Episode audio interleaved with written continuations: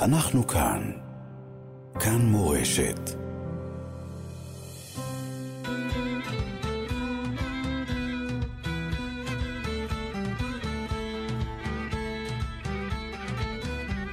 הנעים זמירות עם ידידיה תנעמי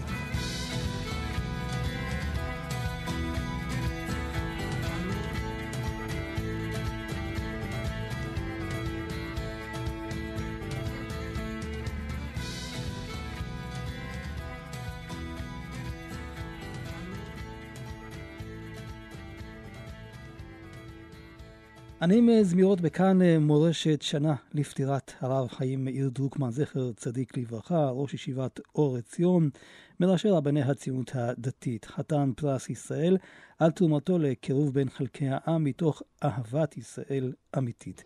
ואנחנו רוצים לומר שלום לתלמידו, מי שהיה עוזרו האישי 15 שנים, יניב סופן, שלום לך. שלום, בוקר טוב, בוקר טוב ידידיה, בוקר טוב למאזינים.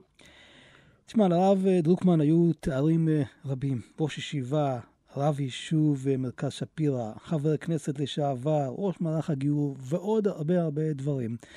ותמיד כשרציתי לראיין אותו בתור תלמיד שלו, התלבטתי מה להגיד. ואולי אני אשאל אותך, בתור מי שהיה עוזר האישי שלו, איזה תואר היית בוחר? יש שני תארים. התואר שהרב ביקש שאנחנו נכתוב, נכתוב לו ב...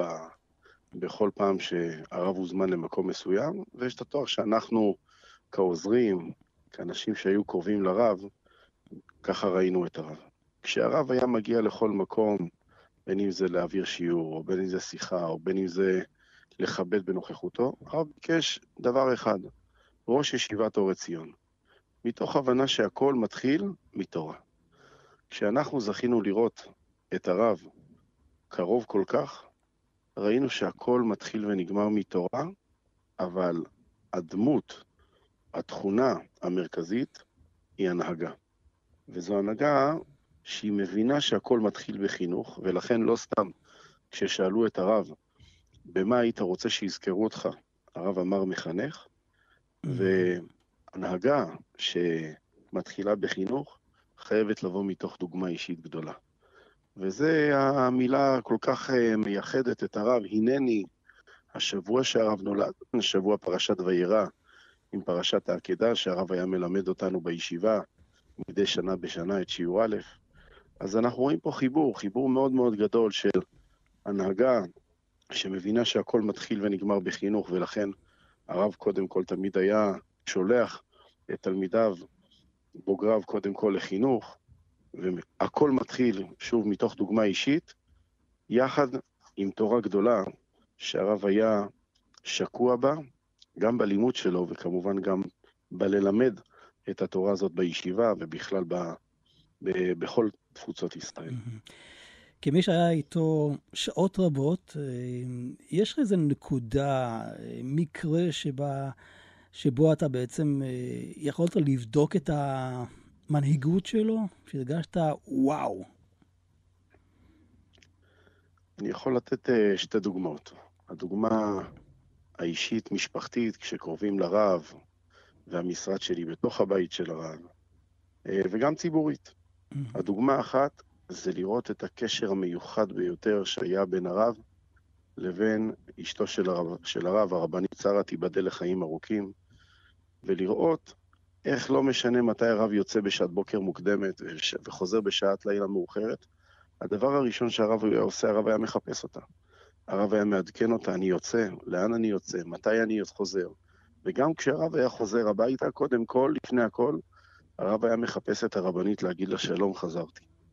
ולראות את הדבר הזה מקרוב, על אף שהרב היה הולך לפגישות עם שועי עולם, ו- ועוסק בצורכי ציבור באמת בתחומים הרגישים ביותר, הרב זכר מאיפה הכל מתחיל? מתוך הבית, ולראות את הדוגמה האישית הזאת, שוב, דוגמה אישית, אה, כאן מתוך הבית, בקשר הכל כך מיוחד בין הרב לרבנית, זה נתן המון המון כוח, בפרט לעוזר שהמחויבות שלו היא עבודה מסביב לשעון, ולראות איך הדברים האלה לא סותרים אחד את השני, זה דבר כל כך נפלא.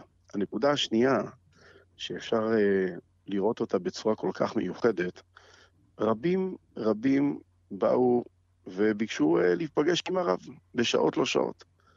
וכמי שהכיר את הרב יודע שהשעות האלה היו סביב אה, כל, אה, כמעט כל 24 השעות שיש לנו ביממה. אבל היה פה דבר מאוד מאוד מיוחד, שאני כל פעם התרגשתי מחדש.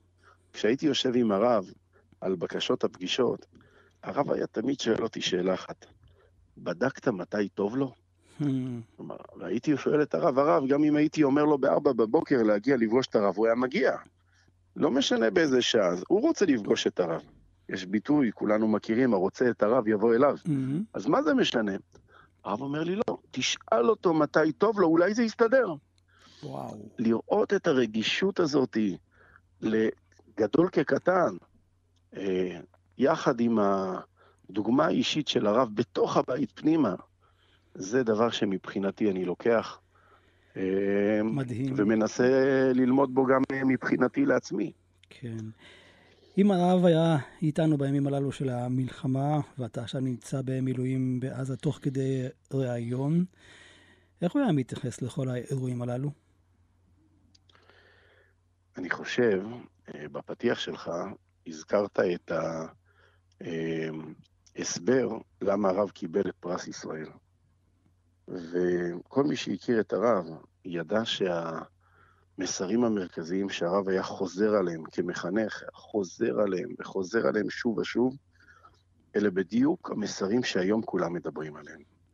אחדות ואהבת ישראל, החשיבות של צבא ההגנה לישראל והמסירות נפש למען עם ישראל, נצח ישראל, והכל הכל הכל מתוך חיבור עמוק ליהדות ולתורה, אני חושב שאחד הדברים שאותי לפחות ממלאים בתחושה של המשך השליחות של כל העם, בתורה, בחינוך, בהשקפה, בערכים שהרב אה, הטמיע בנו, זה שאנחנו שומעים, רואים וחשים שכולם מדברים היום בשפה הזאת. אני אומר בצער ובכאב, חטפנו אה, מכה קשה כדי שנגיע למקום הזה, אבל אה, אף על פי כן, ולמרות זאת, לראות עכשיו את העם מדבר בשפה של הרב. ואגב, זה, אני עכשיו אה, נזכר באנקדוטה, לרב, מי שהכיר את הרב, ידע שיש לרב אין ספור דפי מקורות. בעבר הרב היה נושא איתו את הספרים, אבל ב-20 השנים האחרונות לחייו הרב עבר לדפי מקורות. והיו לרב דפי מקורות, מה שנקרא פופולריים. כשהרב היה מוזמן, והיה מוזמן כל הזמן לשיעורים, היו לרב מספר שיעורים שהרב היה מאוד מאוד אוהב לחזור עליהם. ולא בכדי השיעורים האלה ממש קשורים למציאות שאנחנו היום נמצאים בה. האחד זה מסירות נפש למען עם ישראל. השני זה קשר שבין עם ישראל לארצו, קשר של חיים. השלישי זה נצח ישראל, ותלמוד תורה כנגד כולם, מתוך הבנה שהכל, הכל, הכל מתוך חיבור עמוק ליהדות אה, ולתורה הגדולה שהרב חינך והטמיע לאלפי אלפי תלמידיו. יניב, אתה יודע, אנחנו לא רוצים לדבר על הרב בלשון עבר, כי הוא תמיד רצה שנמשיך את דרכו. שאלה איך עושים את זאת? איך אה, לוקחים את כל המורשת שלו ושכל אחד ייקח לעצמו חלק בה? קודם כל זה אתגר. לבוא ולהיכנס לנעליים כל כך גדולות, אנחנו... אה, זה, זה דבר שהוא לא... הוא, הוא כל כך מורכב, אבל אנחנו מחויבים, אנחנו מחויבים להמשיך את השליחות. ההחלטה של כל הארגונים שהרב עמד בראשם, שזה הישיבות, ישיבת אורי ציון, התיכונית וההסדר, מרכז ישיבות ואולפנות בני עקיבא ותנועת הנוער בני עקיבא, איגוד ישיבות ההסדר. קודם כל להיות ביחד, כי כל התפיסה של הרב הייתה אחדותית. והנקודה השנייה זה נקודת ההינני, שהרב כל הזמן דיבר עליה, מהינני להיננו. לכן המסר של כל הארגונים יחד זה הננו ממשיכים את השליחות.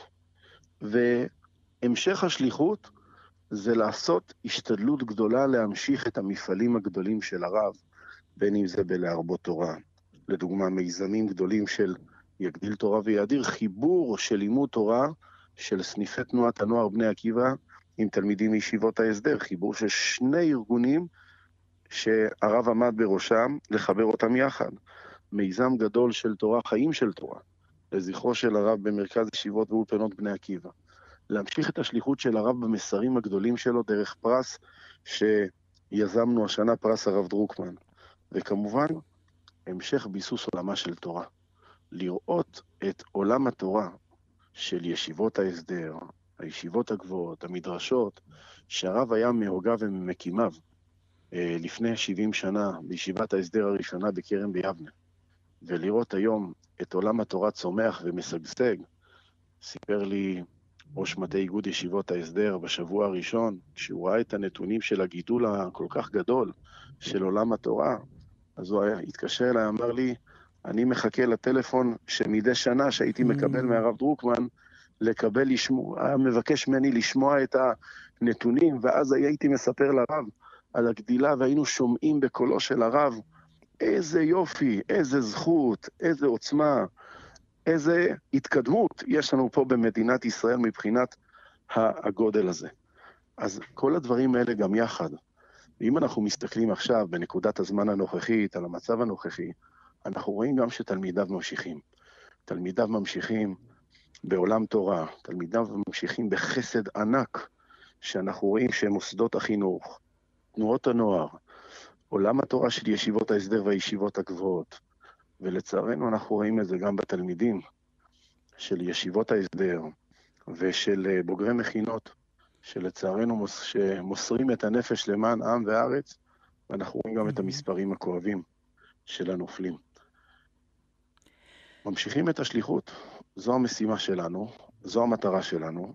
אנחנו מאמינים ובטוחים ש-70 שנה שהרב מסר את הנפש, הם אה, עם אה, כל כך הרבה שנים שקיבלנו מהרב, שהמים שהרב טפטף בנו לאורך השנים אה, היכו שורשים, ויש לנו היום את הכוח, את היכולת, וגם רבים וטובים שיכולים להמשיך את השליחות, וזו המשימה שלנו היום.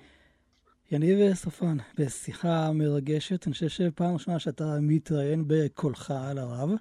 תודה רבה. תודה רבה לך, ידידיה, וזו ההזדמנות לומר שלא רק אני תלמידו של הרב, אלא גם אתה תלמידו של הרב. זכיתי. ולמדנו מהרב שאפשר להמשיך את השליחות בכל תחומי החיים של מדינת ישראל, כי זה הצורך וזה צו השעה לפתח ולשגשג את המדינה שלנו, אז כל אחד במקום שלו. תודה רבה, שבת שלום, ושנשמע ונתבשר בשורות טובות. אמן.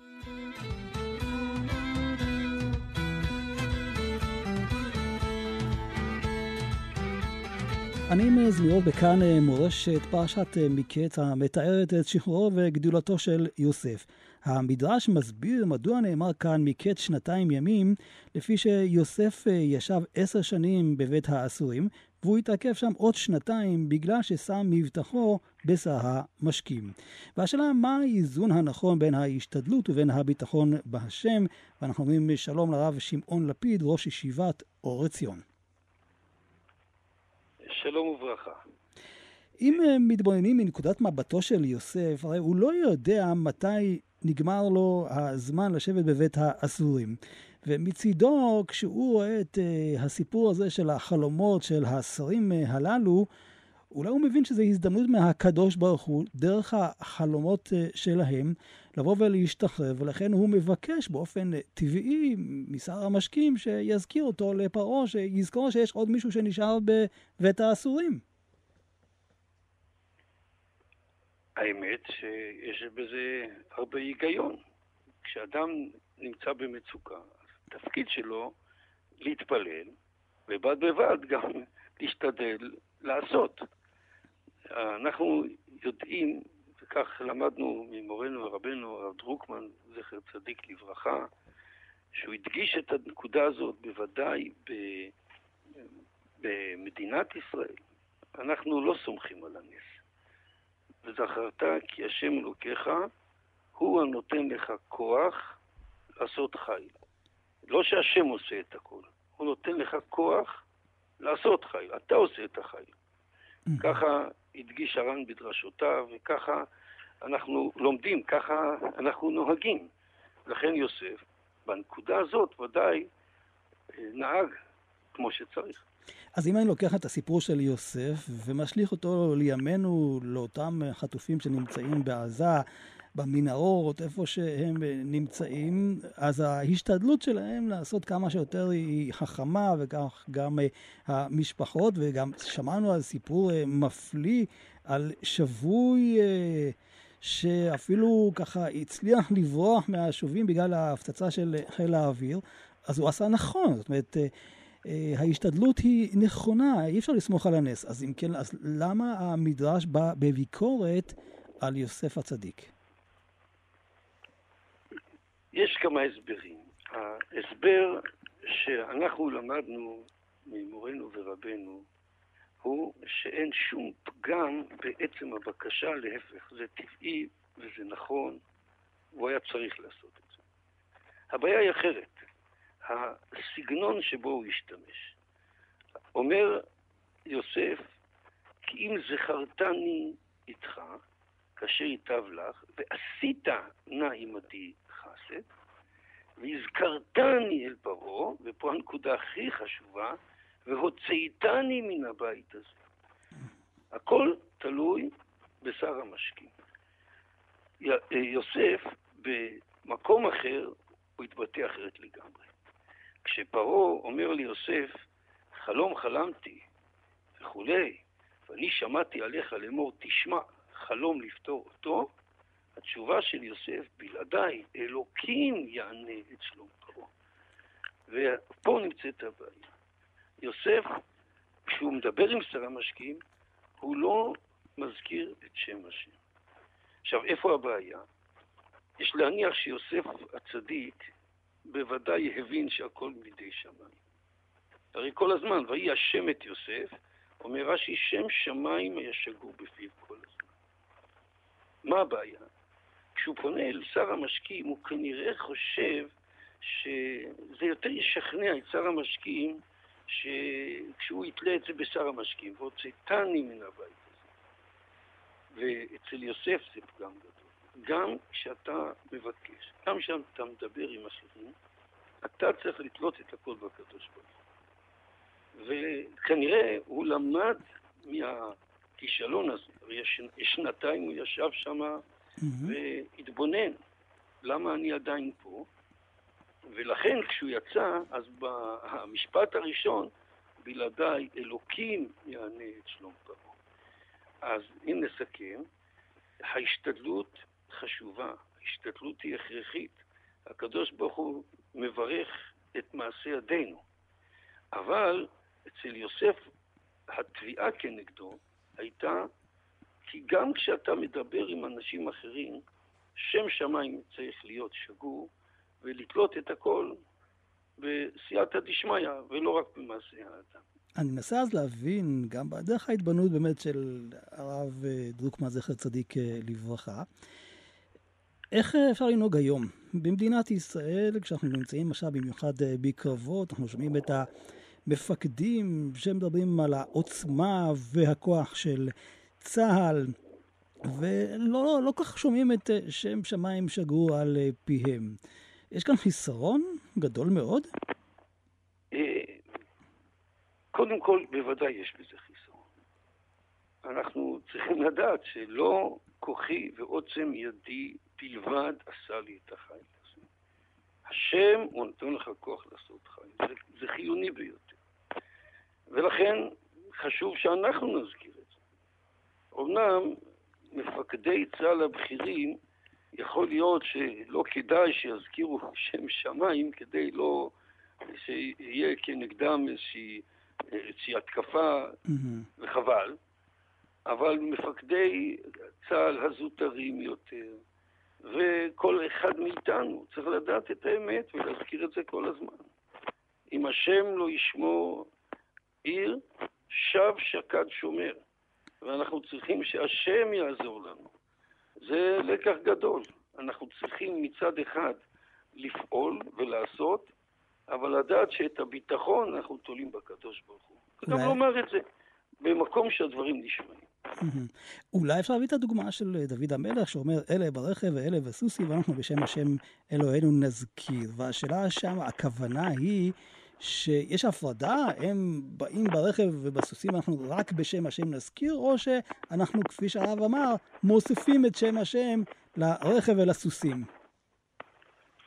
אה, אנחנו ממורנו ורבנו הרב דרוקמן זצ"ל שמענו שיש וו החיבור. אלה ברכב ואלה בסוסים, נכון, ואנחנו, יש פה איזה וו, אנחנו בשם השם אלוקינו נזכיר כאשר אנחנו נלחמים בכוח שלנו. הרי הפסוק, דוד המלך ידע היטב את הפסוק, כי השם אלוקיך הוא נותן לך כוח לעשות חי. אז ואנחנו, גם אנחנו באים בכוח פיזי. אבל אנחנו, היתרון שלנו, שאנחנו גם, ובעיקר בשם השם אלוקינו נזכיר. אני רוצה ככה לסיים את השיחה שלנו, משהו ככה אישי, כמי שממשיך את דרכו של הרב בראשות הישיבה, איזה דגש הרב אה, אתה לקחת מתוך תורתו של הרב, בהנהגת הישיבה? אה, קודם כל, אנחנו משתדלים ללכת בדרכו בכל מה שאפשר בישיבה, לא רק דבר אחד. ודבר שני, הוא היה גדול שבגדולים. אנחנו בדרכנו שלנו משתדלים ללכת בשיפולי גלימתו ותורתו. אני, כן, דבר אחד אני רוצה להדגיש באמת, שההסתכלות צריכה להיות והאמת והשלום אהבו. צריכים ללכת עם האמת שלנו, לא לוותר על האמת, אבל ללכת בדרך של שלום, בדרך של אחדות, לעשות את זה בצורה של אמת ושלום גם יחד. למדנו שעל שלושה דברים העולם עומד, על הדין ועל האמת ועל השלום. זאת הייתה דרכו מאז, וזאת הדרך שצריכים ללכת בה גם היום. ככה אנחנו משתדלים להתחנך. האמת והשלום יחד. הרב שמעון לפיד, ממשיך האור של הרב מאיר חיים דרוקמן, זכר צדיק לברכה, כראש הישיבה בישיבת אור ציון. תודה רבה לך ושבת שלום. תודה רבה ושבת שלום. אנחנו כאן. כאן מורשת.